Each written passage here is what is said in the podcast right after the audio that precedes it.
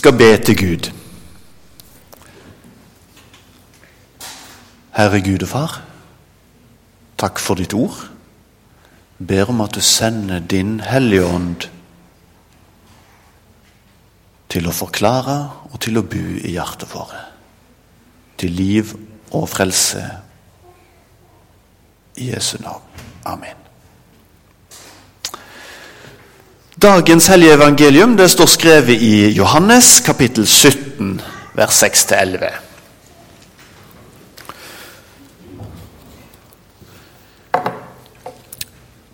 Jesus eh, ba. Jeg har åpenbæra ditt navn for de mennesker du ga meg for å være. De var dine, og du gav dem til meg. Og de har holdt fast på ordet ditt. Nå veit de at alt det du har gjeve meg, er fra deg. For de orda du ga meg, har jeg gjeve deg. Og de har tatt imot og virkelig forstått at jeg har gått ut ifra deg, og de har kommet til tru på at du har sendt meg. Jeg ber for dem.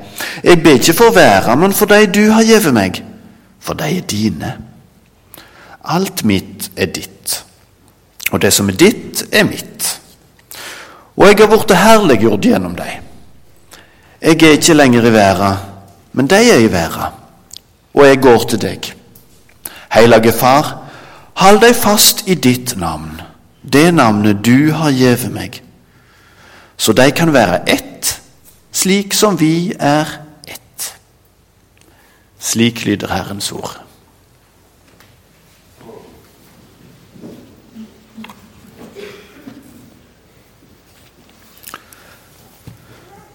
Der Gud vil bu. Der Gud vil bu. Første punktet. Gud vil bu på jorda. Gud vil bu på jorda. Planen til Gud har hele tida vært at folkeslaga, alle folkegrupper på jorda, skal vite og skjønne at det er Herren Israels Gud som er Gud og ingen andre. Et slikt prosjekt om nærvær er ikke enkelt å få til. Både tabernaklet i ørkenen og det første tempelet som kong Salomo bygde, måtte ha mange sikkerhetsforskrifter. Da skya med Guds herlighet fylte tempelet, da Gud flytta inn i tempelet sitt, i huset sitt i Jerusalem, da måtte prestene ut. Skya med Guds nærvær blei for voldsom. En av sikkerhetsforskriftene når vi mennesker skal møte Gud, det er at vi aldri kan komme tomhendt framfor Gud.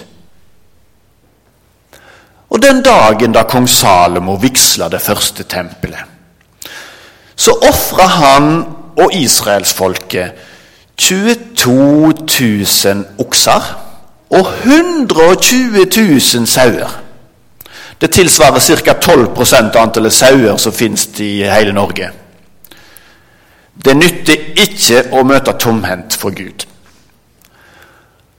Og hva hadde skjedd da? Om kong Salomo hadde dobla antallet okser og sauer, eller kanskje tredobla antallet, hadde prestene da kunnet stå i tempelet og gjøre tjeneste da skyer med Guds herlighet og stråleglans fylte huset.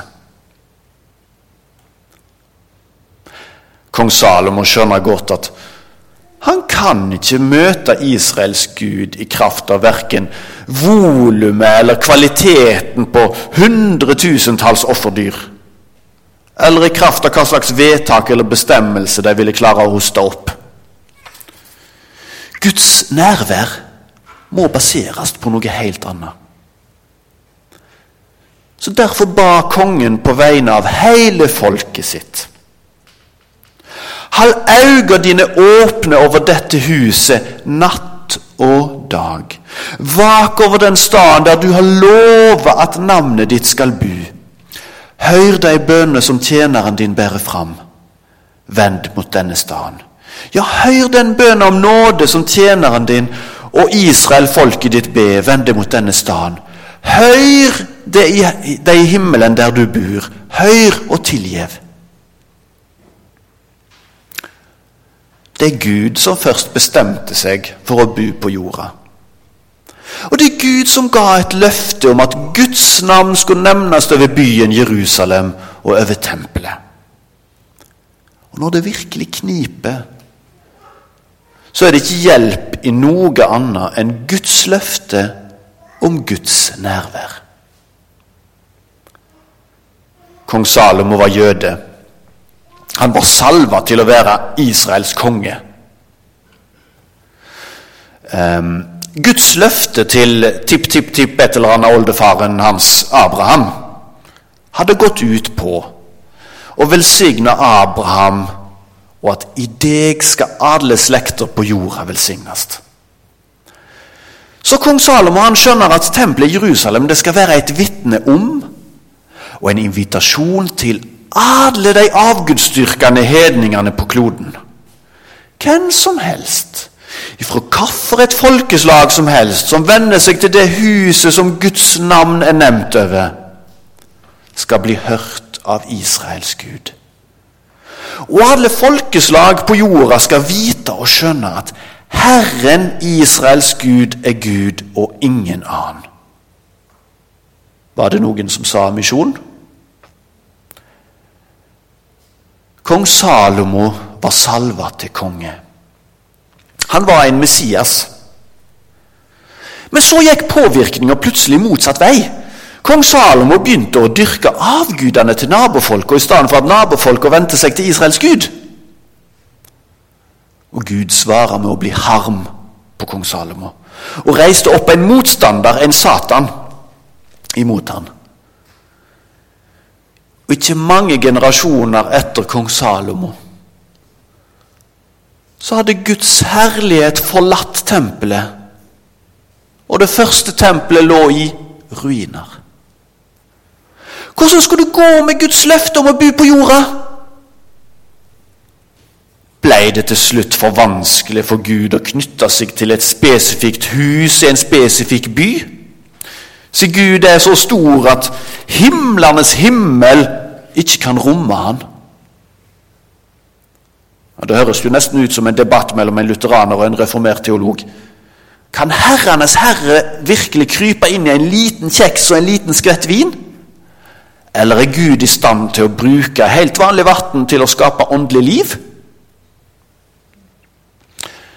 Det står i Jesaja 59. Sjå, Herrens hand er ikke for kort til å frelse, og øret hans er ikke for tungt til å høre. Nei, det er skulder som skil mellom dykk og dykker Gud. Syndene dykker løgner andletet hans, så han ikke hører dykk. Og da det andre tempelet ble vigsla, så står det ikke noe om at Guds nærvær fylte tempelet. Hvor ble det av Gud? To. Gud sjøl kom.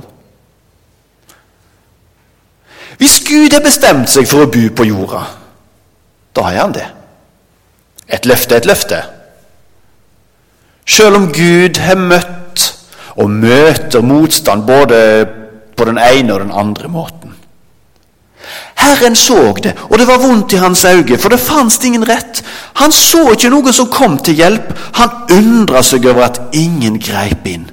Men hans arm ga han siger. Hans rettferd støtte han. På den tid da det andre tempelet sto i Jerusalem, og paktsarka mangla i det aller helligste, da sendte Gud seg sjøl til jorda. Har Gud lova å bo på jorda, så er han. I Jesus Messias, i hans kropp, bur hele guddomsfylden. Kvelden før Jesus var på vei til Golgata for å ofres, så konstaterte han at Jesus har åpenbæret Guds navn. Hvis vi har skjønner hvem Jesus er, da er vi òg skjønner hvem Gud er. Han som er så stor at himlenes himmel ikke kan romme han.